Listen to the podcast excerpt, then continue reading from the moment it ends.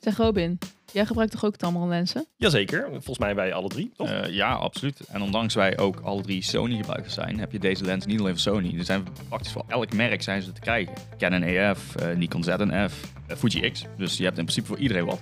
Wauw, zegt de expert. Nee, het enige wat ik weet is dat die Tamron 3550 f2 tot 2.8, dat is echt een beest van een lens. En die heeft eigenlijk, nou, ik denk in vijf jaar al mijn camera niet verlaten. En jij gebruikt volgens mij ook Tamron lenzen voor je gimbal. Klopt, ik gebruik zelf de Tamron 2875 2.8. En dat is echt mijn to-go lens op de bruiloften. Ik vind het gewoon heel fijn dat ik inderdaad op die gimbal kan ik makkelijk in- en uitzoomen. En dat blijft ook heel stabiel. Hij is ook super licht. Dus na een hele dag filmen op een bruiloft heb ik niet zozeer heel veel pijn aan mijn armen. Wat ook dus heel fijn is. En wat is nu nog gaver dan het feit dat Tamron de sponsor is van onze podcast? Ja, dat is super Ja. nice. Dat is echt heel gaaf. En via de website www.tamron.nl kan je hun complete collectie vinden, inclusief de dealers in Nederland. Oké, dus het was www.tamron.nl. Yes. Dan gaan we daar naar kijken. En dan gaan we nu door naar de podcast. In deze aflevering gaan we het hebben over een veel aangevraagd onderwerp, namelijk storytelling. En Brian die duidt het verschil tussen een chronologische vertelling en een experimentele. Robin maakt een mooie koppeling tussen fictie, storytelling en trouwfilms. Laten we beginnen.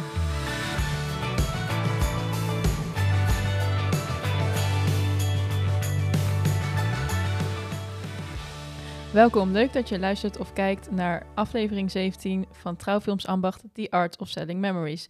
De podcast voor trouwvideografen. Mijn naam is Nadesh en ik ben vandaag samen met Brian en Robin, die mij heel gek aankijkt. We zijn er weer! Het is weer de normale, ja normaal wil ik niet zeggen. We are back. Are Nou, back. nee, dit moeten we anders zeggen. Nadesh, Nadesh is, is back. back. Ik ben back, ja. Oh ja. my god. Nadesh, jij komt uit? Indonesië. Holy moly. Ja. Wat, eh, hoe was het? ja, het was onwerkelijk eigenlijk. Ik had het gevoel dat ik vijf weken lang in een andere wereld aan het paraderen was. Maar dat was je ook. Ja, maar Praktisch wel, dat het ja. nog soort van bij de aarde hoort, ja, ik weet niet. In Nederland is het allemaal... Ik ben wel op zich ook op verre bestemmingen geweest, maar nooit in Azië. Nou, en het is echt... Het was echt... Mensen zijn er aardig, maar je zit ook echt in jungles en... Het is, het is ook heel gek om mensen tegen te komen die ineens aardig zijn. Ja, maar ik bedoel... Misschien in Nederland wel. Ja. Ja. iedereen is daar zo gastvrij. En het is, eh, ja, die aapjes overal, ik vind dat fantastisch. En het was, ja, ik was wel in het regenseizoen. Dus eh, ik kwam echt wel soms eh, een bui van een uur. En dan kwam het echt met alle, alle regen die je kan bedenken, kwam eruit. Dus echt ziek veel water. En alles was dan overstroomd. En eh, al die scootertjes overal. En eh, top, top, top. Maar ik heb zoveel gezien. Ik ben vulkanen, waterval van 120 meter hoog. Dus eh, dat terzijde was het echt ook een drone paradijs. Het was En, echt... en ze heeft gedroond. En Ja, ze en heeft heb- gedroond. Nou, ik probeerde mezelf wel echt een beetje in te houden. Ook, het was echt wel op plekken waarvan ik dacht, oké, dit wil ik gewoon voor de drone. Maar ik wilde ook echt wel voor vakantie. Maar dat, dat was niet te zien, want ik heb echt zoveel stories van jou gezien. Ja, met, precies. eh, met, Ook met aapjes, inderdaad. Ja, ja, Ja. ja, ja. Zou je een aapje willen? Ja. Als het een lieve is wel, maar ze kunnen ook mega agressief zijn hoor. Genaamd Ja. Abu. Abu. Ja, nee, maar het was in ieder geval, ik zou het zeker aanraden. En ik eh, denk dat ik elke win- winter gewoon eh, lekker ga overwinteren daar. Ik, eh, dat is met ons beroep natuurlijk heel fijn als uh, trouwvideograaf. Meestal is het een beetje in de zomer druk. Hè? En in de winter is het iets minder druk. Dus ik ga gewoon een beetje de kennismakingsgesprekjes eh, lekker in Azië doen op Bali. En dan eh, drie maanden. En dan hoop ik als ik terugkom dat er geen sneeuw ligt. We zijn hier nu en het, eh, nou gelukkig in Maastricht ligt er nu geen sneeuw op dit moment. Maar hè, het is er wel geweest. En dat is een overgang als je van 30 graden naar min 1 gaat. Valt tegen, hè? Vandaag gaan we het dus hebben over een onderwerp wat eh, ja, best wel vaak volgens mij aangevraagd is. Of in ieder geval vaak hier bij ons ook ter sprake is gekomen. En dat is storytelling. Ehm, ja, het is eigenlijk een van de belangrijkste dingen voor ons. Hè? Eh, want eigenlijk als je een, met een iets goedkopere camera filmt... of zelfs met een telefoon en je storytelling is supergoed... dan heb je eigenlijk een betere film dan dat je eh, de, met een red filmt van 10.000 euro en je storytelling klopt helemaal niet. Dus het is eigenlijk voor ons super belangrijk. Dus daarom vind ik het heel leuk en eh, ik ben heel benieuwd naar wat jullie erover te vertellen hebben. Eh, want voor mij, ja, ik heb in aflevering 11 de letterlijke vertaling van muziek opgelepeld. Of de definitie wil ik zeggen. dat was heel mooi. Dat was En een mooie introductie. Het was een mooie introductie. Kunnen, was- we die er nog even tuss- tussendoor snijden? Ja, dat is goed. Dat we hem gewoon even laten luisteren. Ja. Wel leuk, ja. Vandaag gaan wij het hebben over kunstzinnige schikking en combinatie van de klanken van muziekinstrumenten en menselijke stem om schoonheid van vorm, dan wel uitdrukking van emotie te bereiken. Dat was leuk. Dat was leuk. dat was inderdaad leuk. Maar eh, hè, dat, was mijn, dat was de letterlijke definitie van muziek. Maar ik ben wel benieuwd wat jullie definitie nu van storytelling is. Brian mag als eerst. ik voel me nu een beetje alsof jullie op school Oh, zitten. Want jezus, het is wel een de begrip wat- definitie van storytelling. Ja, Ja, Lise zou nu Google erbij pakken en gewoon letterlijk eh, even, even googelen wat daar de definitie van is. Maar ja, weet je, Maar wat, wat, wat is voor jou de definitie? is voor mij de definitie hoe zou jij van het storytelling? Hmm. Zonder al te obvious te zijn. Ja, ja, zonder al te obvious te zijn. Ja, weet je, het is het verhaal vertellen van die dag van die mensen of eventueel van dat koppel. Dus Ja. in dat, in- tenminste in onze branche dan. Ehm, ja, weet je, meer dan dat. Ik, ik weet niet hoe je, dat, hoe je dat de beste definitie van kan zeggen, zeg maar. Volgens mij gaat het over het, het, het creëren van een universele connectie Kijk, hij heeft hem even Ja, gegoogeld hoor. hoor. Ja, ja. met het publiek door middel van emotie en verbeelding. Ja, dat hadden we als intro moeten gebruiken. Ja, Ja. inderdaad. nou, dat kunnen, kunnen we nog steeds. Nee, maar dat, ja, storytelling is voor mij eigenlijk het, eh, het, het, het, het- ja, wat, wat is de kern van het vertellen van een verhaal? Dat, daar zit emotie in, daar zit eh, herinnering in, daar zit ehm, verbeeldingskracht in. Eh, het is een manier van communiceren. Ehm, het, ja, het is, ja, hoe lang vertellen we al verhalen als, als mensheid, zeg maar. Ja. Ik bedoel, ik weet nog, of ik, ik weet nog, dat weet ik helemaal niet. maar als, als, als, als primitievelingen ging je om een kampvuurtje zitten, weet je wel. En dan, wat, wat had je die dag meegemaakt? Ja, je zag een vallende ster. En je dacht dat elke ster aan de hemel, dat dat eh, misschien kampvuurtjes waren van andere werelden. Of dat dat goden waren die naar de wc gingen, of zo. weet ik veel. Nee, maar je, kon, je, je had helemaal geen voorstellingsvermogen bij. En ik denk dat, Ja. dat storytelling heel erg gaat over eh, iets eh, dat jij hebt meegemaakt... of iets dat je wil uitdragen naar iemand anders toe... om hun hetzelfde te proberen te laten ervaren als hoe jij dat hebt ervaren. En die overdracht, die communicatie, is volgens mij storytelling. En dat kan je door, door middel van heel veel dingen kan je dat doen. Eh, spraak, eh, zang, muziek, eh, gebarentaal. ehm, ja, je kan het gek niet bedenken, Ja, visuele alle dingen. visuele aspect, aspecten, is een moeilijk woord. Ja, visueel, en, Aspect. maar ook auditief. Ja, Maar ook zelfs misschien ehm, eh, ge- gevoel of zo. Of Ja. tenminste dat je iemand aanraakt, zeg maar, door middel van, en op een bepaalde manier kan ook al iets zeggen. Nou, je kan heel, heel vaag gaan. ja we kunnen hier nog wel, we gaan Maar hier ik- sowieso nog wel wat Ik vind dat je het heel goed hebt uitgelegd. Leuk, dankjewel. Ja. Ik vind ook wel dat je het goed hebt uitgelegd. dank je. Als ik aan storytelling trouwens denk, dat popt nu even in mijn hoofd op, maar in, tijdens mijn studie ehm, had ik ook storytelling eh, een vak, maar dat was dan meer voor de designkant, want ik deed meer websites en zo. Ehm, maar toen de eerste les kwam mijn docent echt zo en die zei, ja, we gaan nu een Disney film kijken. En ik was zo, eh, zit op het hbo, ik betaal eh, redelijk veel geld, maar waarom moeten wij nu een Disney film kijken? Maar Ja. Disney is echt eh, een heel goed voorbeeld eh, om storytelling te begrijpen. Want je moet dan die hele film ontleden van, nou, wat gebeurt hier? Wie zijn de hoofdrolspelers en hoe, ja, hoe brengen ze dat over? Nou gaan we verder niet over een Disney-film praten, maar dat is met een trouwfilm eigenlijk hetzelfde. En ik hou altijd een beetje dat ezelsbruggetje van die Disney-films. Het blijft een beetje in mijn hoofd zitten. Ehm, maar dan gaan we dus nu een beetje meer diepgaand over storytelling zelf. Ik ben wel benieuwd, hè, ehm, hoe zorgen jullie voor een goede storytelling voor jullie trouwfilms? Deze mag Robin als eerste. Robin mag nu als eerst. Ja, Dit is- jij was net als eerste. Ja, maar dit dus is, dit is een aflevering die zo ehm, vaag kan zijn... Ja. dat, dat Mm. echt een heel accuraat, correct antwoord niet echt mogelijk is om te geven. Omdat het, het is ook weer iets subjectiefs. Voor iedereen anders. Ja, wat de ene een hele goede film vindt, vindt de ander gewoon helemaal ruk. Ik bedoel, dat heb je Ja. ook met Disney-films. Sommige mensen vinden sommige Disney-films gewoon helemaal... zo Ja, oké, waarom kijk je naar? Weet je wel? Terwijl de storytelling daarin dan misschien wel gewoon... eigenlijk volgens de regels is zoals, zoals die ooit bedacht zijn. Qua, eh, qua spanningsboog en weet ik veel wat. Eh, het is een beetje hoe muziek gemaakt wordt, weet je wel. Ik bedoel, als je een, eh, een, een Martin Garrix hebt... Ik weet nog uit eh, een paar jaar geleden... Je kon letterlijk al zijn tracks die hij had uitgebracht... kon kon onder elkaar leggen... En elke nummer was precies hetzelfde opgebouwd. Van begin tot eind. De climax, het aantal beats.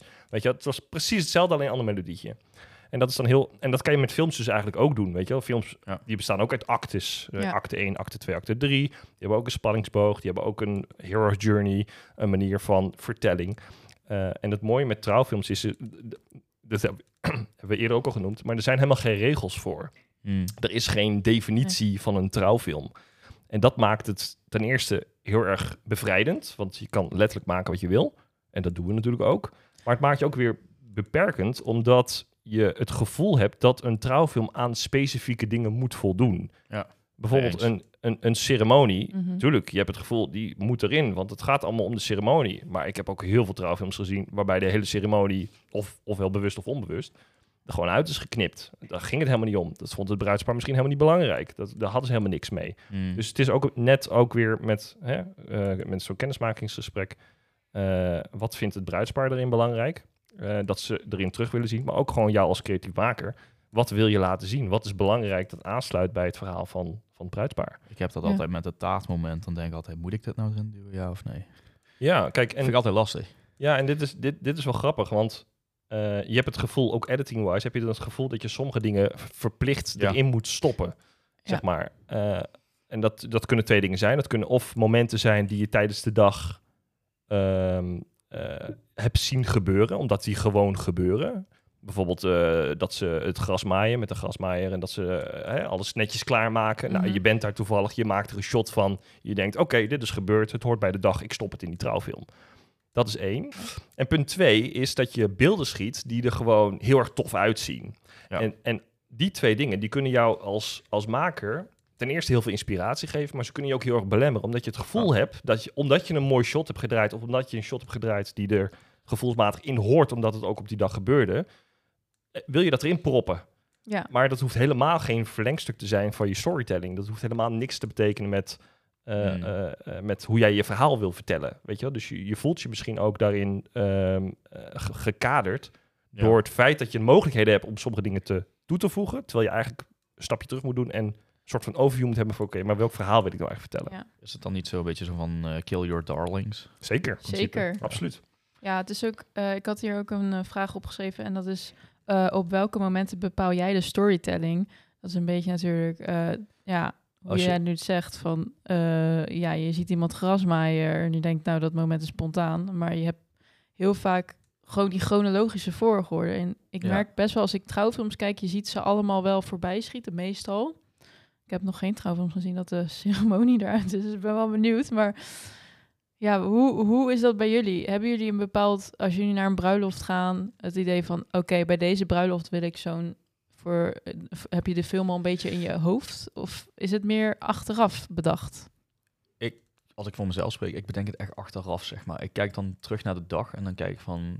Wat vond ik een van de mooiste momenten en de meest impactvolle momenten om mee te beginnen, zeg maar. En de laatste film waar ik nu aan het werken ben, een van de vier, die eh begint dus midden in de ceremonie. Met eh, de, de trouwambtenaar wat spreekt, zeg maar.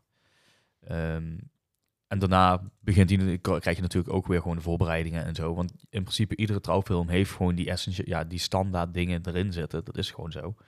Ehm, het is alleen hoe creatief ben je om je beelden te wisselen en eh, scènes te wisselen. En ik denk dat dat ook een vorm van storytelling is als jij een niet-chronologische film kan maken, wat toch een verhaal vertelt.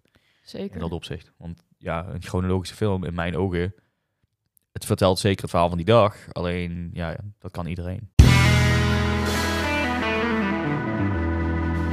Oké, ehm, storytelling voor ons allemaal waarschijnlijk, eh, hè, het is een beetje een zweverig iets. En we hebben het, denk ik, wel ergens overal een beetje voorbij zien komen of geleerd op school, zoals ik al aan het begin zei. Ehm, maar wat voor methodes hebben jullie twee geleerd? Op school of hebben jullie eh, een cursus gevolgd? Eh, hoe, ja, hoe gaan jullie te werk? Wat voor methodes? Robin.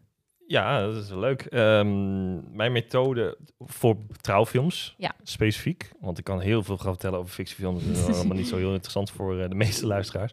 Hoewel daar wel veel overlapping in zit trouwens.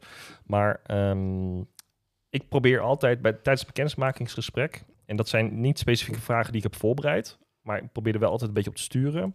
Om te kijken waar er iets schuurt. Wat, wat speelt er in, in, in die relatie? Ja. Eh, en dat kunnen natuurlijk, ik hoef niet te weten dat ze al eh, 30 keer uit elkaar zijn gegaan, knippen, lichte relatie hebben gehad en dat soort dingen. Mm. Hoewel dat wel een inga- ingang zou kunnen zijn. ja. Maar eigenlijk ben ik een beetje op zoek naar wat, wat, wat, wat gaat er niet perfect. Je Wat- zoekt het conflict. ja, het conflict, Ja. een beetje. Ja, En het conflict zorgt wel dat als je daar iets van kan verwerken in je trouwfilm, Ja. dat dat veel interessanter wordt om naar te kijken. Want een conflict heeft uiteindelijk ook een soort van oplossing. Of een eh, call to action is wat, wat voor corporate-achtig gezegd. Maar ehm, je, je, bent wat nieuwsgieriger als kijker, zeg maar, van oké, maar hoe Mhm. gaan zij daar dan mee om? Weet je wel, we zijn allemaal mensen en geen enkele relatie is perfect. Dus eigenlijk zijn trouwfilms daar ideaal voor om gewoon te zoeken en misschien, nou niet zozeer te graven, maar weet je wel, gewoon een beetje te, te kijken van oké, maar wat, wat, wat schuurt er in jullie relatie? Dus of knipperlicht, of misschien hebben ze al tijden last van het feit dat oma al heel erg ziek is geweest. Misschien zijn ze een van de twee heel erg ziek geweest, ja. of zijn ze nog ziek? Weet je wel, dus daarin kan je natuurlijk wel iets omhoog halen. Ehm, wat natuurlijk voor het bruidspaar niet per definitie de rode draad van die trouwfilm moet zijn, maar wat je wel zou kunnen gebruiken als conflictelement eh in je storytelling. Want als je daarmee bijvoorbeeld gewoon opent, eh, ik, heb, ik heb wel vaker meegemaakt en dus een iets, iets bescheidener voorbeeld, eh, waarbij een van de ouders al overleden is. En door eigenlijk gewoon heel simpel dat stukje te implementeren in die trouwfilm, geeft je gelijk als kijker, en voor het bruidspaar zelf ook natuurlijk, iets meer emotionele lading om, om, om jezelf te verbinden eh, met, met dat bruidspaar. Mhm. Dus eh, dan heb je bijvoorbeeld de, de moeder of de vader die er niet bij kan zijn, of de oma die er niet, niet bij kan zijn. Er zit al iets in op het moment dat ze bijvoorbeeld een kaarsje willen aansteken tijdens de ceremonie voor iemand die pas geleden is overleden. Weet je wel, dat gebeurt ook, nou regelmatig, misschien wat ook groot gezegd, maar dat gebeurt vaker. Eh, en daarin dan gewoon een, een, een conflict zoeken en dat, en, en dat misschien een beetje te highlighten, om daar gebruik van te maken, zeg maar, in je, in je trouwfilm. Ja, dat vind ik een hele goeie. Ja. Het is ook wel iets wat ik wel misschien nu... Ik denk daar niet bewust over na. Maar het gebeurt wel onbewust bij mij in Ja. films. Want ik zoek inderdaad vaak een... Hè, vaak is een gelofte een, een huilmoment van een van de twee. En denk ik, oh ja, mooi. Nou, Ja. voorin. Nee, ja, Maar zo werkt het wel. Ja. Heb jij daar nog aanvulling op? Heb jij een andere manier voor storytelling of methode wat jij gebruikt voor voordat je naar? Jij zei dat je achteraf vooral de storytelling bepaalt. Ja, kijk, eh, op de dag zelf, dan ben ik Ja. natuurlijk bezig met die beelden schieten. En ik let natuurlijk ook wel op wat gezegd wordt. En dan heel soms blijft gewoon een moment bij me hangen. En denk hey, wacht eens even, dat is een mooi moment. Er wordt iets heel moois gezegd. Dat kan ik gebruiken. Mhm. Eh, daar open ik dan ook meestal mee, zeg maar. Eh, omdat je dan inderdaad die emotionele lading meer krijgt, om maar zo te zeggen. Ehm, maar goed, weet je, ik kijk achteraf, kijk eerst alle geloften door, alle speeches door, Ja. om dan juist iets te vinden of iets grappigs waar je mee kan starten, want dat is ook wel een leuke opener. Eh, en vanuit daar ga ik eigenlijk opbouwen richting ehm, de ceremonie, zeg maar. Dus eh, je krijgt in principe ehm, verschillende momenten, zeg maar, gewoon van het begin van, of ja, van het eind van de dag misschien. En die combineer je naar het begin toe van de dag. En vanuit daar kun je dan kijken van wat je afwisselt. Bijvoorbeeld die speech komt nog een keer terug of zo, bijvoorbeeld Mhm. op een moment. Ehm, de gelofte, die vind ik persoonlijk altijd eh, het meest, ja, het fijne om te gebruiken, omdat het toch een rode draad is uiteindelijk. Door de hele film. En moet ik ook zeggen, dan moeten de bruidsparen wel gelofte doen. Als je dat niet hebt, dan wordt het nogal lastig. Ja. Ehm, Maar wat doe jij dan als een bruidspaar geen gelofte heeft? Wat, Nou, wat gebruik je dan? ik heb dus nu eh, bij die laatste film ook dus de eh, trouwambtenaar eh, zijn eh, intro gebruikt. Of ja, niet per se zijn intro, maar hij zei op een gegeven moment eh, wel in het plat Maastrichts, zei hij dat heel mooi. Ehm, Niet te verstaan. twee mensen eh, komen elkaar tegen, twee mensen gaan van elkaar houden. Twee mensen die horen bij elkaar. Je hebt het en- goed onthouden. Ja, dat ik heb, dat, mooi. ik heb dat ding gewoon gehoord en dat blijft er gewoon bij. al 80 keer Ja, dat klopt. Ehm, alleen, weet je, dat vond ik zo'n mooi en ja, gevoelig, geladen. Ja, ik wil bijna boodschap zeggen, maar dat is het niet. mhm. Ehm, ja, ik, ik vond het gewoon iets hebben, zeg maar. Het trok Mhm. mij in, zeg maar. En in dat opzicht had ik zoiets van, ja, weet je, dan open ik daarmee. En dan vervolgens kun je dat allemaal zo combineren. En ja, hoe ik zeg, een chronologisch film bijvoorbeeld, daar heb ik dat minder bij, zeg maar. Mhm. Ik, ik heb altijd zoiets van, als je gewoon met het huisje begint, van waar de bruid wordt opgemaakt. Ja, dat heb ik bij honderd films gezien. Je je wilt altijd kijken naar iets nieuws, denk ik. Ik denk dat dat Ja. ook heel belangrijk is. Ik denk ook, hoe langer je videograaf bent, hoe meer je je eigen story ontwikkelt of zo. En het is ook stijl. Ja. Want vroeger was het natuurlijk gewoon juist, wilden mensen juist het in chronologische volgorde. En denken ze, als je het allemaal door elkaar gooit, denken ze van, nou, wat, eh, wat is dit? En nou ja, Dus het is ook een, eh, iets wat gegroeid is, denk ik. ik heb een bruidspaar gehad. Eh, zij wouden een chronologische film. En toen heb ik uiteindelijk ook gewoon de intro gewoon gemaakt hoe ik wou. En dat heb ik ook gewoon heel mooi gecommuniceerd. Zeg, je, Mhm. hou wel rekening mee, de intro wijkt af van het chronologische. En toen was het meteen van, oh ja, is goed. Nou, Ja, maar bruidsparen hebben vaak ook niet echt het idee als ze van je Nee. vragen van we willen iets chronologisch. Dan bedoelen ze denk ik mee, je kan best wel een beetje schuiven en zo. Maar niet te veel. Maar, maar niet dat moet, ce- het dat moet niet ceremonie en backwards alles vers- door elkaar- Nee, Juist, precies. Niet ja. dat je met een feest begint en eindigt met ceremonie bijvoorbeeld. Bijvoorbeeld. ja. Kan wel, maar ja. Ja. Heb, hebben jullie een beetje, ik ben wel benieuwd, het is eigenlijk iets wat ik later wil vragen, maar nu komt het meer eh, ter sprake. Ja. Is jullie storytelling eh, veranderd in de loop der jaren als videograaf? Absoluut. Ja, simpel gezegd, ik begon, ja, toen ik echt net begon, had ik ook chronologische films en gewoon op een muziekje, zeg maar. Maar het klinkt nu net alsof je chronologische films geen goede storytelling vindt. Ah, het is niet dat ik niet goede, ja, hoe moet ik dat nou zeggen? Het hangt ook af van de visuele aspecten en de audio. Dat is net een onderdeel van storytelling. En als dat prima is en het is in chronologisch Dan volgorde, is het heb ook je nog steeds een sterke film. Ja, en dan vindt het bruidspaar waarschijnlijk ook geweldig, want daar Ja. maak je het uiteindelijk voor. Ehm, maar toch heb ik altijd zoiets van, kijk, als je niet bijvoorbeeld audio hebt, je hebt gewoon een muziekje en je gooit daar je beelden op, dan heb ik zoiets van, ja, maar dit kan iedereen. En ik wil toch altijd iets anders maken dan wat iedereen kan, zeg maar. Zeg ik dat een beetje? Ja, ja, ja, Ja. Nee, ik ben even nadenken hoe ik daarop eh, wil reageren. Ja, weet je wat is? Eh, Maar wat maakt dan... Sorry, ben gewoon nieuwsgierig. Maar Ja. wat, wat maakt dan dat jouw edits anders zijn dan die van anderen? Wat, wat zijn dan de keuzes die jij maakt... waarvan je de veronderstelling hebt dat andere mensen dat niet zouden kunnen? Eh, ik zeg niet dat andere mensen het niet zouden kunnen, maar het is Ja. meer dat, het, dat ik gewoon anders dan naar kijk, zeg maar. Ik heb zoiets van, ik wil een opbouw, een opbouw maken naar iets. En dat doe ik dan niet alleen met eh, muziek. Nee, dat doe ik ook met geluidseffecten, audio, eh, Sorry. Jurassic Wings, vogel Ja, bijvoorbeeld. hè, Ik wilde hem erin gooien. Dat het is gewoon even voor de luisteraar. Brian heeft altijd één specifiek sound effect. En je moet maar zo in de film gaan kijken. En dan graag een DM sturen met wat voor geluid jij denkt dat hij in zijn films gebruikt. We hebben het niet over de heartbeat die je elke keer hoort aan het begin. die hoor je niet alleen maar, die hoor je niet altijd aan het begin. Hij wordt wel vaak gebruikt, dat is wel waar. Dat zal ik niet ontkennen, maar ik heb verschillende ondertussen. Dus, dus moet je bekijken. En eh nee, ja, ik, ik heb bijvoorbeeld ook al inderdaad ehm, Jurassic Wings vogelgeluid. Ja, maar wat? wat was dat? nee, maar eh, weet je, het mooiste is, ik, ik heb dan bijvoorbeeld een beeld geschoten van een vogel die vliegt. En die laat in slow motion vliegen. Ja, dan heb ik wel zoiets. Dan ga ik daar een geluid bij verwerken. En stel je versnelt dat, versnel je dat audio effect ook erbij. En zodoende ga je naar de volgende scène en zo bouw je door.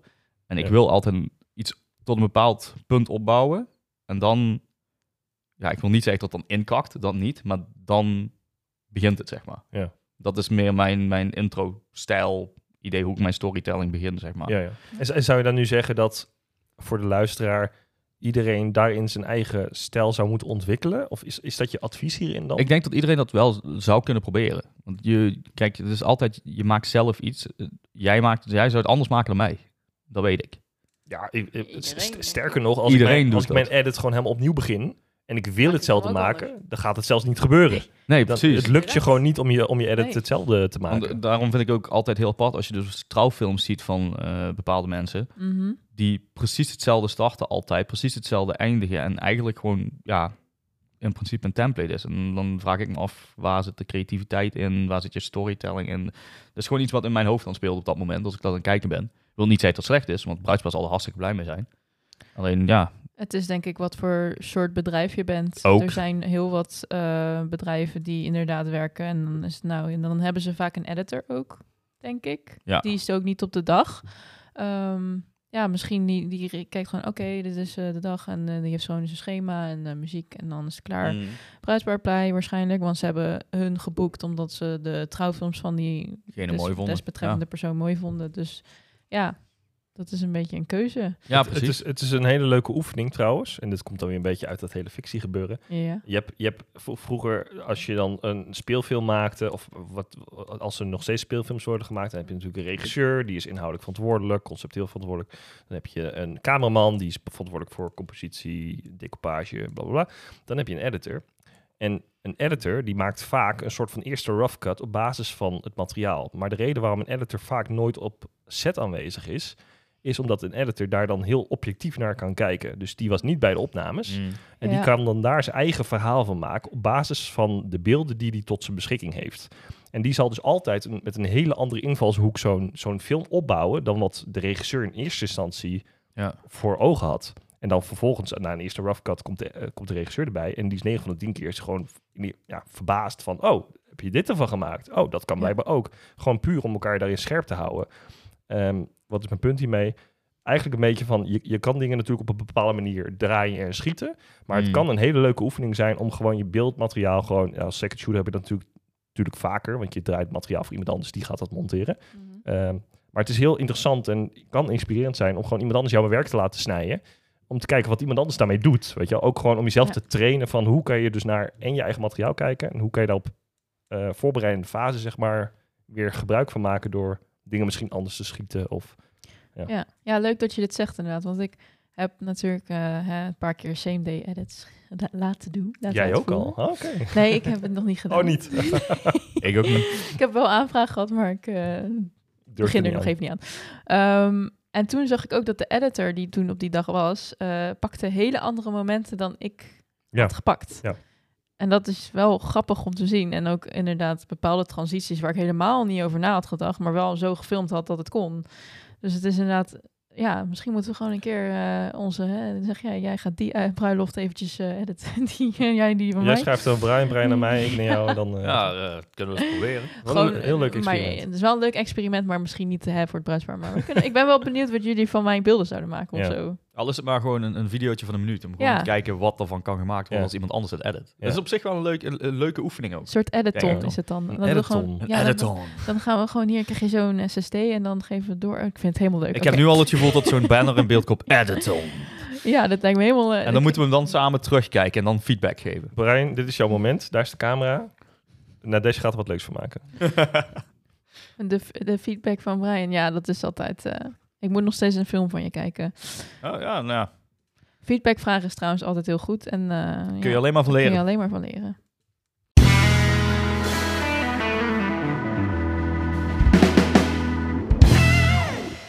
Jullie zeiden net van, eh, nou, jij gebruikt bepaalde methoden en jij hebt een bepaalde methode, maar zijn er misschien ehm, plekken, of hè, wat raden jullie aan, ehm, om storytelling te leren? Of in ieder geval er iets beter leren te begrijpen. Wat is de, ja, Bedoel je dan cursus of zo? Of? ja, een cursus of juist ja. misschien een bepaalde film die jullie goed vinden. Nou, als je het zo begrijpt, dan kom je wat, dan begrijp, je meer wat je doet. Of zo. Mhm, Hoe zeg je mhm. dat op een dag? Ja, dan heb je het gevoel van niet dat je een trouwfilm eh, de hele dag je sta je te filmen en dan kom je Mm. thuis en denk je, ik heb eigenlijk geen idee wat ik nou allemaal gefilmd heb. Nou ja, ik denk dat Robin dit ook wel hetzelfde zal zien. Eh, er zijn heel veel films die hebben gewoon altijd dezelfde opbouw. Eigenlijk. In ieder geval dezelfde aspecten. En dat is dan, eh waar ik je toen straks zei, de Hero's Journey. Mhm. Mhm. Ehm, ja, dat, dat, wordt een, dat wordt even qua opbouw. ehm, help me even, want ik, ik, ben, ik ben er even helemaal je hebt kwijt. een personage. Je hebt, een per- je hebt je hoofdkarakters. ehm, dan komt eh, de oude wijze man bijvoorbeeld. eh, die zegt dat je missie hebt. Eh die oude wijze man gaat dood. noem maar op. Ja, ik, ik doe het even heel... Ja, ik doe het even heel, heel, heel subtiel zo brengen. Maar Robin, jij hebt, heb je hem niet openstaan Ik heb hem openstaan, zeker. Dat spiekbriefje. Ik zou zeggen, sp- spring er even op in, want eh, ik kan het niet zien vanaf hier. Ja, nee, ik kan het bijna, maar- bijna aan mijn hoofd zeggen, maar Zo. de Hero's Journey is eigenlijk een, dat zijn eigenlijk de fases van hoe een, eh, hoe een normale film, tussen aanhalingstekens, eh, wordt, wordt opgebouwd. Dus Ja. voor de mensen die niet bekend zijn met de algemene speelfilm, je kan het ook op klein, korte films doen, maar het is eigenlijk, je hebt, je hebt gewoon een hoofdpersonage, dus die, die, die leeft in de ideale wereld. Dan gebeurt er iets waardoor die wereld ineens op zijn kop staat. Hij is de uitverkorene, op de, Ja. wat voor manier dan ook. Dan komt er een, nou, inderdaad een oude wijze man of een mentor, die komt erbij. Die neemt die persoon mee op pad. Want die uitverkorene, die moet natuurlijk gaan vechten tegen het kwaad. Wat dan ook die wereld ontwricht. Dan heb je, nou, dat, dat- dus dat zijn eigenlijk al de eerste twee actes eh, in grote lijnen. Ehm, nou, dan gebeurt er van alles. Er worden vrienden gemaakt natuurlijk, uiteraard. Er gaan Ja. mensen dood. Of tenminste, er zijn tegenslagen. En op het moment dat het kwaad komt, dan moet hij vechten Ah, tegen het kwaad. En dan gaat het eigenlijk tot 95% helemaal fout. Dus op het moment dat hij tegen het kwaad vecht de eerste keer, Ja, wat dat dan ook mag zijn, wordt hij zodanig neergeslacht of tegenslag. tegenslag dat het lijkt alsof alles ten onder is gegaan. Ehm, dan komt er iets heel kleins, een lichtpuntje, een sprankje hoop, iets waar het laatste redmiddel waarmee die hoofdpersoon zichzelf kan overstijgen. Hij verslaat het kwaad en de wereld is weer in nieuwe glorie. Ehm, zowel, en dit verandert soms een beetje per film, maar soms is het weer tot het oude hersteld. Mhm. En soms is het een nieuwe start. Of is er een aanloop naar een nieuwe start en daarmee dus een open deur voor een tweede film. Ik stoot bijna mijn water om. Dat is, dat is, basically is dat een beetje de hero's journey. En dat wordt dus ook gezien als het template voor de speelfilm. Ja. En je ziet de template, zie je dus... eh, De Hobbit is echt letterlijk, Letterlijk dat. letterlijk dat. Ja. Want we hebben het over de oude wijze man, over de, de Bilbo Baggins... die dan hè, als, als niks zeggende, niets nut, eh, zeg maar, het kwaad moet gaan verslaan. Ehm, Ik heb de Hobbit nog nooit gezien, maar goed. Schandalig. schandalig. Ga je schamen. Ga door. Kijken. Nee, kijk, en, en, en, en dat template wordt dus letterlijk op elke andere film is, is te kopiëren. En dan is het dus, want ik heb zelf dus ook veel films gemaakt, is het de vraag, waar ga ik de hero's journey ontwrichten? Dus welke elementen van de hero's journey ga ik pakken en welke niet? Of ga ik daar misschien mee spelen met, die, Mm. met dat structuur? Ga ik beginnen bij acte 3? Ehm, eh, Nolan, Christopher Nolan, die doet dat heel veel in zijn films. Hè, met Memento, dat is eigenlijk de- letterlijk de reversed eh, storytelling. Eh, met Inception is natuurlijk zo'n zo'n film waarbij Ja. je echt denkt van waar de fuck ben ik naar aan het kijken? Ik heb hem vijf keer moeten zien. Nou, maar dat zijn wel films die dus spelen met, met, met die template, Right. met dat structuur. Ja. Ehm, en daardoor eigenlijk de kijker echt op een, op een, nieuwe, op een nieuwe manier laat, laat, die, die cinema laat ervaren. En dat is natuurlijk aan de ene kant, sommige mensen die vinden het helemaal niks, want die zijn de structuur gewend zoals ze hem gewend zijn. En die willen gewoon lekker een avondje in de bioscoop en de film snappen. Mhm. Terwijl andere mensen zoiets hebben van, wow, dit is echt een hele andere manier van vertelling, van storytelling. Eh, dit is vet, want nu moet ik hem nog een keer kijken en misschien heb ik dingen gemist en die gaan helemaal puzzelen. En eh, dat is wat mij betreft, is dat de essentie van cinema of van film. Ehm, dat je een film misschien niet per definitie gelijk na de eerste keer hoeft te begrijpen. En daarom vind ik films, ik heb nu laatst die laatste Avatar gezien, echt een Ja. verschrikkelijke boutfilm. Ik, ik Oh. ga even helemaal eerlijk zijn. Spoil Ik niks vond hem alsjeblieft. leuk. Ik heb hem nog niet gezien. Nee, dat mag. je mag hem leuk vinden. Ja. Hij was visueel, was hij super mooi. Storytelling echt helemaal ruk. Ja. Ik vond het echt verschrikkelijk. Ehm, en die man, die, of eh, James Cameron, die heeft daar dus 14 jaar over gedaan of zo, over die film, zoiets. En dan Ja. denk ik, en dan kom je met dit verhaal aan zitten. Weet je wel? En ik denk, come on. Nou, goed, ik, ja, geno- in ieder genoeg geval, erover. daar was meer aandacht aan de visuele vormgeving tuurlijk, dan, Natuurlijk. denk ik. Maar Kijk, en, geval, en dat is ook weer een beetje dat choose your battles. Ja. Waar wil jij op inzetten? Waar denk jij dat als maker jouw kracht ligt? Weet je wel? Ben jij gewoon heel goed met het vertellen van verhalen? Ben jij visueel gewoon heel erg sterk? Ehm, ben maar- sociaal heel sterk dat je hem heel veel uit het bruidspark kan halen? Weet je wel? Het is ook maar net, je kan er Ja. ook niet overal goed in zijn. Of Nee. ga je die film helemaal aankleden met toffe transities en dat het er visueel super tof uitziet? Eh, ik denk dat de luisteraar bij zichzelf na moet gaan. Oké, waar, ligt, waar ligt jouw kracht? Of waar ligt Ja. jouw interesses en inspiratie? En ga daarop je storytelling opbouwen. Ja, en Ja. hoe jij ook al zei, cursussen volgen kun je natuurlijk ook doen. Ik bedoel, ik heb ook een bepaalde cursus gevolgd waar ook storytelling aan bod kwam. Mhm. En daar lieten ze een eh, commercial zien die twee minuten duurde. Best een lange commercial als je mij vraagt. Maar eh, daar zat een hele goede storytelling in. Ehm dat ging over een auto die uit zichzelf kan stoppen, zeg maar, dat die kan remmen. Mhm. Eh, en dan zag je eigenlijk de levensloop van een klein meisje. Eh, hoe haar leven ging uitzien, zeg maar. En eigenlijk op het laatste punt kwam die terug dat die auto dus volop remt, anders had hij dat kind geraakt. Hm. Ja, ik vond dat. Ik heb die video echt tig keer bekeken. Ik vind hem nog steeds geweldig. Visueel ook. Dus dat had wel een bepaalde impact waarvan ik ging denken, nou, zo kun je dus ook dingen aanpakken. Goed, bij een trouwfilm is dat misschien net wat lastig, omdat er qua conflict meestal, hè, Mhm. dat heb je niet altijd per se. Eh, maar het zijn wel inspiratiebronnen wat je kan gebruiken, zeg maar. Ja. ja, ik ben wel benieuwd, want we zijn nu heel erg inderdaad in ehm, de film ter, ja, met een andere film. Mhm. Maar hebben jullie bepaalde keys of onthoudmethodes eh, als je naar een bruiloft gaat van, oh, dit moet ik sowieso niet missen. Dus hè, je hebt het bruidspaar, conflict. Maar wat is er nog meer wat je, waar je rekening moet houden op zo'n dag? Eh, De activiteiten bijvoorbeeld die er zijn. Of waar moet ik aan denken als ik bijvoorbeeld, hè, ik begin net en ik heb geen idee van storytelling. Eh, wat zijn dingen die ik Ja, zeker moet meenemen naar die dag? ik denk sowieso dat je voor jezelf moet nagaan. Wat is heel belangrijk voor het bruidspaar? Ook Ja. niet alleen die dag, maar ook in de toekomst. Eh, bijvoorbeeld, ik geef altijd de speech van de ouders erbij. Waarom? Omdat ze dan de stemmen van de ouders terug kunnen horen voor het geval als die ouders er niet meer zijn. Hetzelfde met oma of iets dergelijks. Weet je, dat is iets dat, dat blijft die mensen voor de rest van hun leven dierbaar. Ehm, ik denk dat je dat ook even in gedachten moet nemen, dat dat ook heel belangrijk is. En dan, misschien voegt het iets toe in de storytelling, misschien ook niet. Maar uiteindelijk zijn ze daar wel blij mee. En als het voor, puur voor je storytelling is, ja, dan vind ik dat ook lastig hoor. Dat, eh, Ja, dit gaat echt meer inderdaad, dit is iets extra's en het is leuk voor het bruidspaar, maar Ja. echt meer de, de trouwfilm zet ik op. eh, hoe maak ik die als ik geen idee heb wat storytelling is? Nou, dus zo, zo begint iedereen. Dat is gewoon Ja. chronologisch snijden als Ja. een soort van registratie. En Precies. dan, en dan bouw je het een beetje op en dan denk je, oké, nou heb ik de film wel. Ja, Ehm, maar vertelt dat uiteindelijk dan het verhaal van het bruidspaar? Eh, en als je dan bijvoorbeeld ook geen gelofte hebt, hoe ga je dan dat verhaal van het bruidspaar vertellen? ja. Eh, en, dan, wordt het, dan wordt het een heel moeilijk verhaal. Ja, weet je, er zijn gewoon heel veel trouwfilms, dat zijn gewoon muziekvideo's, simpel gezegd. Omdat je dan niks van gelofte hebt, niks van audio, dan heb je alleen maar muziekje. Wil niet zeggen dat het niet mooi is, En ja, ik kan zeggen, en wat is daar mis mee? Eh, daar is niks mis mee. Nee. Alleen, als jij echt storytelling wil doen, Ja. dan denk ik niet dat je dat alleen maar met een muzieknummer kan. Ja. Persoonlijk vind ik dat. Het hangt er een beetje vanaf wat voor type film het is. Kijk, eh, als je muziek, eh, audio werkt best goed. Je hoeft er niet per se ook stemmen bij te horen. Als je wat rustiger pianootje hebt en je ziet een emotioneel iets gebeuren, dan werkt je storytelling al best wel goed. Tuurlijk, als je een mens hoort, dan verkracht, of we zeggen dat verkracht. Dan Versterkt. eh, maakt het, versterkt hij het, ja. Versterkt, eh, dan versterkt hij het, zeg maar. Ehm, Omdat je dan die band met die personen meer krijgt, zeg maar. Als jij dat als kijker zijnde, zeg maar. Ja, maar ik heb best wel vaak eh, bruidsparen en ook dit jaar die echt tegen mij hebben gezegd: ehm, we doen geloftes, maar we willen ze niet door de hele film horen. Ja.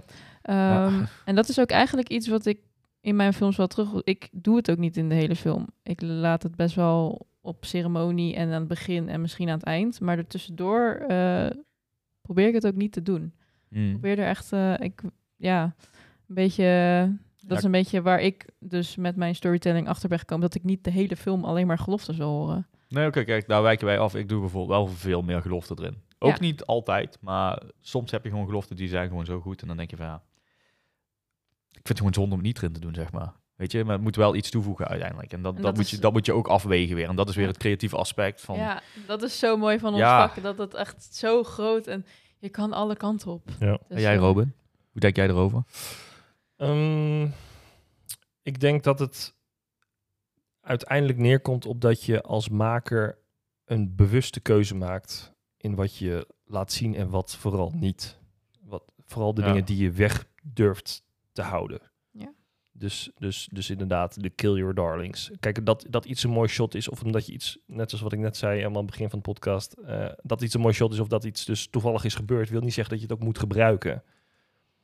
Eh, Nee, dus, precies. dus, Nee. dus dan komt het neer op keuzes. En op basis van wat maak je dus die keuzes. En als jij andere films hebt gezien van mensen waarvan je de storytelling gewoon heel tof vindt, dan moet je jezelf nagaan. Wat zijn voor hun de redenen geweest dat ze die shots op die manier hebben gedraaid? Mhm. Met Ja. dat geluid. Ja, Eh, en, en, en hoe zou je dat voor jezelf kunnen implementeren? Niet, niet zozeer om die mensen te, te na te doen of zo, maar om te begrijpen waarom die keuzes gemaakt zijn. Zodat jij voor jezelf veel makkelijker, veel beter kan nagaan waarom jij dus dat ene shot wel of niet moet gaan gebruiken. En ik denk, als je daar heel bewust mee bezig bent, dat dat, dat uiteindelijk veel, veel, heel inzichtelijk wordt voor jezelf. Dat je weet van welke kant je op wil gaan met die film. ja. Want je kan natuurlijk ook gewoon een film die helemaal stil is, geen muziek, met alleen maar. Nee, maar Ja, gewoon eh, whispering en, Ja. en, en eh, wind noises en alleen maar een beetje sound design en super Mhm. moody. En kan je ook die, die, die bruiloft vertellen, zeg maar. Als Ja. je daarop gedraaid hebt en je kan het op die manier kan je dat Overbrengen. overbrengen, dan, dan is dat een prima keuze. En dan distancieert zich dat volledig van de standaard Mm. template die wij kennen zoals een trouwfilm moet zijn. Maar Ja. oh, wederom weer, er zijn geen regels. Nee, precies. Nee, dus ik- maak gewoon niet iets wat je tof een vindt. standaard template. Het is Nee. gewoon, en ik, ja, elke trouwfilm is ook weer anders, elke bruiloft is anders. Dus ja, het is echt... eh, Weet je, ook al heeft iedere trouwerij praktisch dezelfde eh actes, om maar zo te zeggen, de acts. Ja, ehm, het is toch altijd uniek. Hoe je het ook bekijkt. het zijn hele andere mensen. Daarom, andere, ehm, Maar je, kan, maar je kan het wel altijd op dezelfde manier filmen. Ja, dat Ja, wel. ja, ja. En er zijn, ze- laten we eerlijk zijn, we hebben allemaal bepaalde dingen waar we altijd hetzelfde doen. Ja. Tenminste, ik heb nog nooit, weet je, ik heb altijd bepaalde plekken waar ik ga staan en zo, dat ik gewoon weet, dan krijg ik een mooi shot. Ja, ja, hè. ja. Uh-huh. Ehm, dat wil niet zeggen dat ik niet eens af kan stappen van die norm en iets totaal anders kan doen. Puur als mij die creativiteit op dat moment invalt, zeg maar. Mhm. Ja. Eh, bijvoorbeeld die bruiloft van Italië mocht ik dus ook de gelofte niet gebruiken.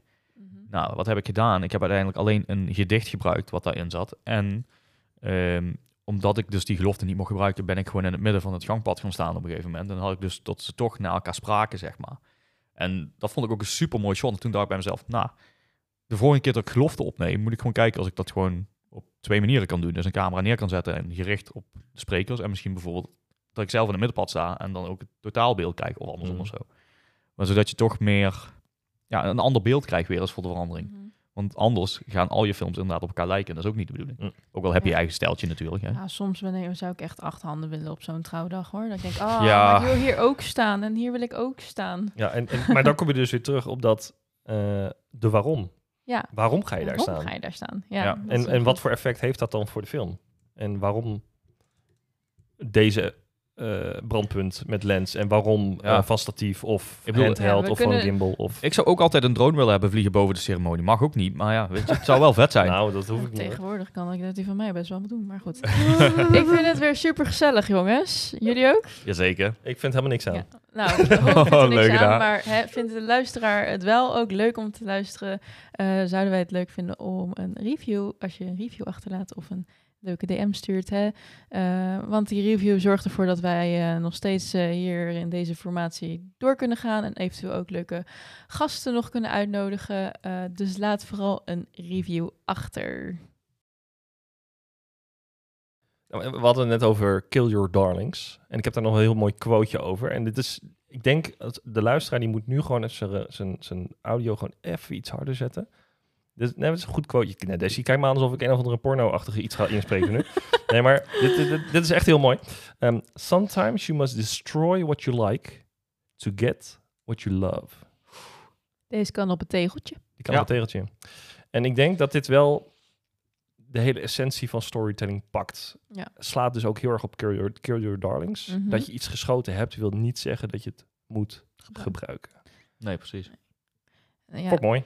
Ja, Nice. het is inderdaad. Ja, ik vind ook. ehm, wij zijn als videografen heel erg hè, met keer bezig en hoe we het moeten filmen. Maar inderdaad, waarom ben je het aan het filmen? Ja. En ik merk ook heel erg aan mezelf dat ik. Ik probeer. Hè, in april heb ik mijn eerste bruiloft. En dan ga ik inderdaad. Op die bruiloft hoop ik echt dat ik ruimte heb om na te denken van waarom sta ik nu hier? Want ik heb me. Ik, ik ben best wel vaak een kip zonder kop op zo'n dag hoor Oh, same. Dat ik denk, ja, ik, ik weet wat er gaat gebeuren, maar hè, dan eh, heb je weer oma die opeens leuke dingen doet. Er gebeuren ook heel veel dingen waar je, waar, waar wat je niet weet. Ja. Eh, het is allemaal spontaan. Ehm, maar waarom ga ik oma filmen? Dat is, ja, ga ik het gebruiken? Ik moet ook, ja. Als het emotionele waarde toevoegen aan voor een bruidspaar, denk ik, moet je doen. Nou, we hebben ook, Ja. Ik heb ook wel eens gezegd in een podcast, ik weet niet meer welke aflevering, maar dat ik een keer een uur materiaal had van de, degene die de make-up had gedaan. Of van de fysici, Ja. weet je wel. ja, Dan sta je een uur lang de hele ochtend sta je te draaien over hoe, hoe die wimpers worden afgetrokken of opgeplakt of weet ik veel wat. ja. Ja, dan zit ik later in die Ja. edit en denk van, waarom heb ik dit zo lang zitten staan filmen? En dat is natuurlijk ook weer ervaring deels. ja. Ik zou dat nou nooit meer doen. Nee, precies. Maar dat had ik ook. Dus dat- is heel normaal. Ja, ja, Ja. Nou, daar gaan we het eh, nog in een andere aflevering toevallig over hebben, over materiaal en veel schieten. Toch? Toevallig wel. Toevallig wel. Toevallig wel. Ehm, dan heb ik nog iets anders leuks. eh, tenminste leuk, ik vind het heel leuk, want wij zijn nog steeds eh, lid van Vriend van de Show. Eh, als je lid wordt, kan je eh, voor 2,50 per maand vriend worden. En dat helpt ons ook heel erg, want hè, we zijn nu in Maastricht. Ik had graag een fly gewild, maar we hebben nog niet zoveel vrienden voor Vriend van de Show. Sorry, We sorry. hebben zo weinig vrienden. Ai, ai, ai. Eh, dus hè, eh, je steunt ons ermee. Dus eh, word lid eh, met van Vriend van de Show. Het kan voor 2,50 per maand dus. Of voor 27,50 euro per jaar. Eh, dat is eh www.vriendvandeshow.nl slash trouwfilmsambacht. Dan heb ik nog wat luisteraarsvragen. Altijd leuk. Altijd leuk. Hè? Als je een vraag hebt, vinden we het superleuk. Je kan hem altijd via de DM sturen of via onze Facebookgroep. Eh, dan behandelen wij hem hopelijk zo snel mogelijk in onze podcast. Ik heb er nu twee voor jullie. Ehm, de eerste is van Vera. Dat is, ehm, even kijken, op 24 of 25 frames en 50 of 60, dus PAL of NTSC, zo vind ik altijd. En waarom NTSC, ondanks dat niet Europees is? Dit, dit is een vraag of is Ja. het een cryptogram? Ja, dat vind ik ook een Frames lastige per eigenlijk, second, hoor. ja. Nou, ik weet toevallig, even los hiervan. Vera Mhm. is wel onze eerste persoon geweest die dus inderdaad vriend van de show is geworden. Die, aan. die heeft dus Super. inderdaad een, eh, een, een donatie gedaan. Dus dat Ja. is eh, in eerste instantie in ieder geval tof om, om te ontvangen van Vera. Dus dankjewel. Ehm ik denk dat ze vraagt wat het, wat, waar je op moet schieten. Qua framerate? 25, Ja, 24, of- 25 of 50, Of 60? export misschien. In ieder geval schieten doe ik altijd meestal over het algemeen 50. Of 100. Als Ja, ik- jij schiet alles op 50? Meestal wel. Same. Ja, eh, ik deed eerst alleen maar 100. Maar Echt? Ja, Jeetje. Ook, ook geloftes en zo? 100? alles. Echt? Ja, kijk, dit vind ik zo heerlijk. Dit. Maar dat, dat snap ik niet. Nee. Nou, nee, maar weet je... Sorry. Nee, ja, dat, inderdaad, geloftes is niet nodig om op 100 te schieten. Helemaal mee eens. Alleen dat Ja. is dan ook weer mijn luiigheid om te denken van... Ik ga nu niet van framerate switchen, want Je kan gewoon je switch omdraaien. Ja, maar wat als ik dan dadelijk daar aan dat gangpad sta en dan komen ze aangelopen en dan vergeet ik dat helemaal terug te zetten en dan wil ik het dan vertragen naar... Ze naar- zit voor je neus als je die gelofte opneemt. Nee, daarna. Dat ik dan daarna niet erbij stilsta. Oh shit, ik moet dat terugzetten. Je, je hebt toch, je hebt toch een hersen in je hoofd? Je, Ja, kan, je weet toch dat je dat. Op dat moment ben ik alleen maar bezig met nu gaat dit komen, nu gaat dit gebeuren, nu gaat dat gebeuren. Dus in dat opzicht... Oh, Maar nu doe je dat niet meer, toch? Nee, nu heb ik eh, toevallig de camera ingesteld op eh, 25 frames, 50 frames en 100 frames. En zo kan ik zo switchen ertussen. Dus nu doe je het wel. Ja, ja. Dus je hebt nu ons advies heb je al... eh, Ja. En dan ben ik wel benieuwd, wat, wa- waar export je dan in? Zeg maar als je de Ehm, trouwfilm gaat uploaden op YouTube. In principe, ik maak altijd op een tijdlijn van 25 frames. Ja. Dat is, ja, omdat ook mijn standaardbeeld dan in 25 frames is, dan krijg je ook geen rare haperingen of zo. Mhm. Ehm, ze zeggen dat 24 meer cinematisch is, maar ja, die ene frame, ik, ja, ik zie het niet. Sorry. En jij, Robin? Robin, ik ben benieuwd naar je reactie. ja, dit, dit kan je wel zien hoor. ja, dat hangt natuurlijk vanaf wat voor beeld dat je hebt, denk ik dan. Eh, nee, ja goed. Je kan, je, bijvoorbeeld op YouTube, je kan op 24 of op 25 Ja. zou je kunnen uploaden. En het, je, je kan het verschil echt wel merken. Kijk, mis je een beetje getraind oog hebt. Hm. eh, normaal is het cinema is 24. Ja. Zeker, zeker ook hier in de bioscopen natuurlijk. Dat, dat is Mhm. allemaal 24, dat is allemaal Amerikaans gedraaid. Maar ook Nederlandse cinema's wordt gewoon op 24 frames geschoten. Hm. Eh, maar video, ja, je hebt verschil tussen film en video. Je hebt Ja. video is over het algemeen gewoon 25, Of 30 50. zelfs, volgens mij. 100. Ja, Nee, 30 niet. Weet toch niet. ja dat, dat zie je ook heel Maar standaard heb ik in wel- het toestel staan. Heb ik wel Ja, maar dat komt op omdat de- deze dingen niet in Europa gemaakt zijn. Nee, dat is het ook. Dus, Nou, bij... ehm, ga ik toch weer even over drones praten. oh. Ja, nu ben ik benieuwd. Eh, DJI heeft alleen de optie eh 30 of 60. Ja. Ja. Niks anders. Ja, als je een goede drone hebt, nog 120. Maar dan moet, je, dan moet je je footage eh, aanpassen in, de in de editor. Nou, ik, eh, daarom Hoezo? vind ik het interessant. Ik schiet meestal gewoon 60. Omdat dat het hoogste is wat ik eh Ja, daarmee maar kan schieten. wat ik ermee bedoel is, als jij een tijdlijn hebt van bijvoorbeeld 25 frames en jij schiet 60, dan heb je dus eh, in principe dat je drone eh, ja, stuttering beeld heeft, zeg maar. Dus dat had ik met die van mij.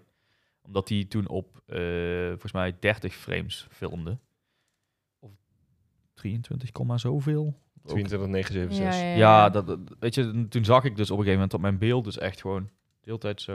Ja, maar dat komt omdat je dan op een tijdlijn van 25 zit. Precies. En Dus daarom, je moet altijd wel inderdaad hoger schieten dan, Dan de de tijdlijn. Ja, dus in dat opzicht, toen heb ik dus die, footage kunnen... eh, ja, daar heb je een bepaald luxe woord voor, maar die kun je aanpassen naar het aantal frames wat het moet zijn. Dus eh, daar is een oplossing voor. Dat is een simpel trucje eigenlijk, maar ja, Interpreted footage. dat ja. Interpreted. Oh, dat is een mooi woord. Hey.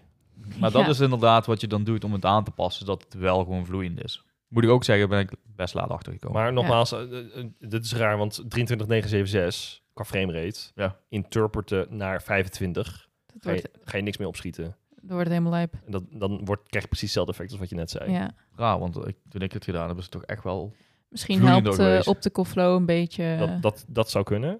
Eh, of de manier op hoe jij jouw... ehm, eh, vol- volgens mij heet dat uit mijn hoofd. Dit- hier weet ik iets minder van. Maar je kan dus een bepaalde export setting instellen... waarbij je dus de frame blending Ja, op een bepaalde manier instelt... waardoor die dus de frames die je erbij moet verzinnen... We zijn Ja. helemaal off topic trouwens, maar de frames die je erbij moet verzinnen, zeg maar, dat, dat doet hij dan op een manier.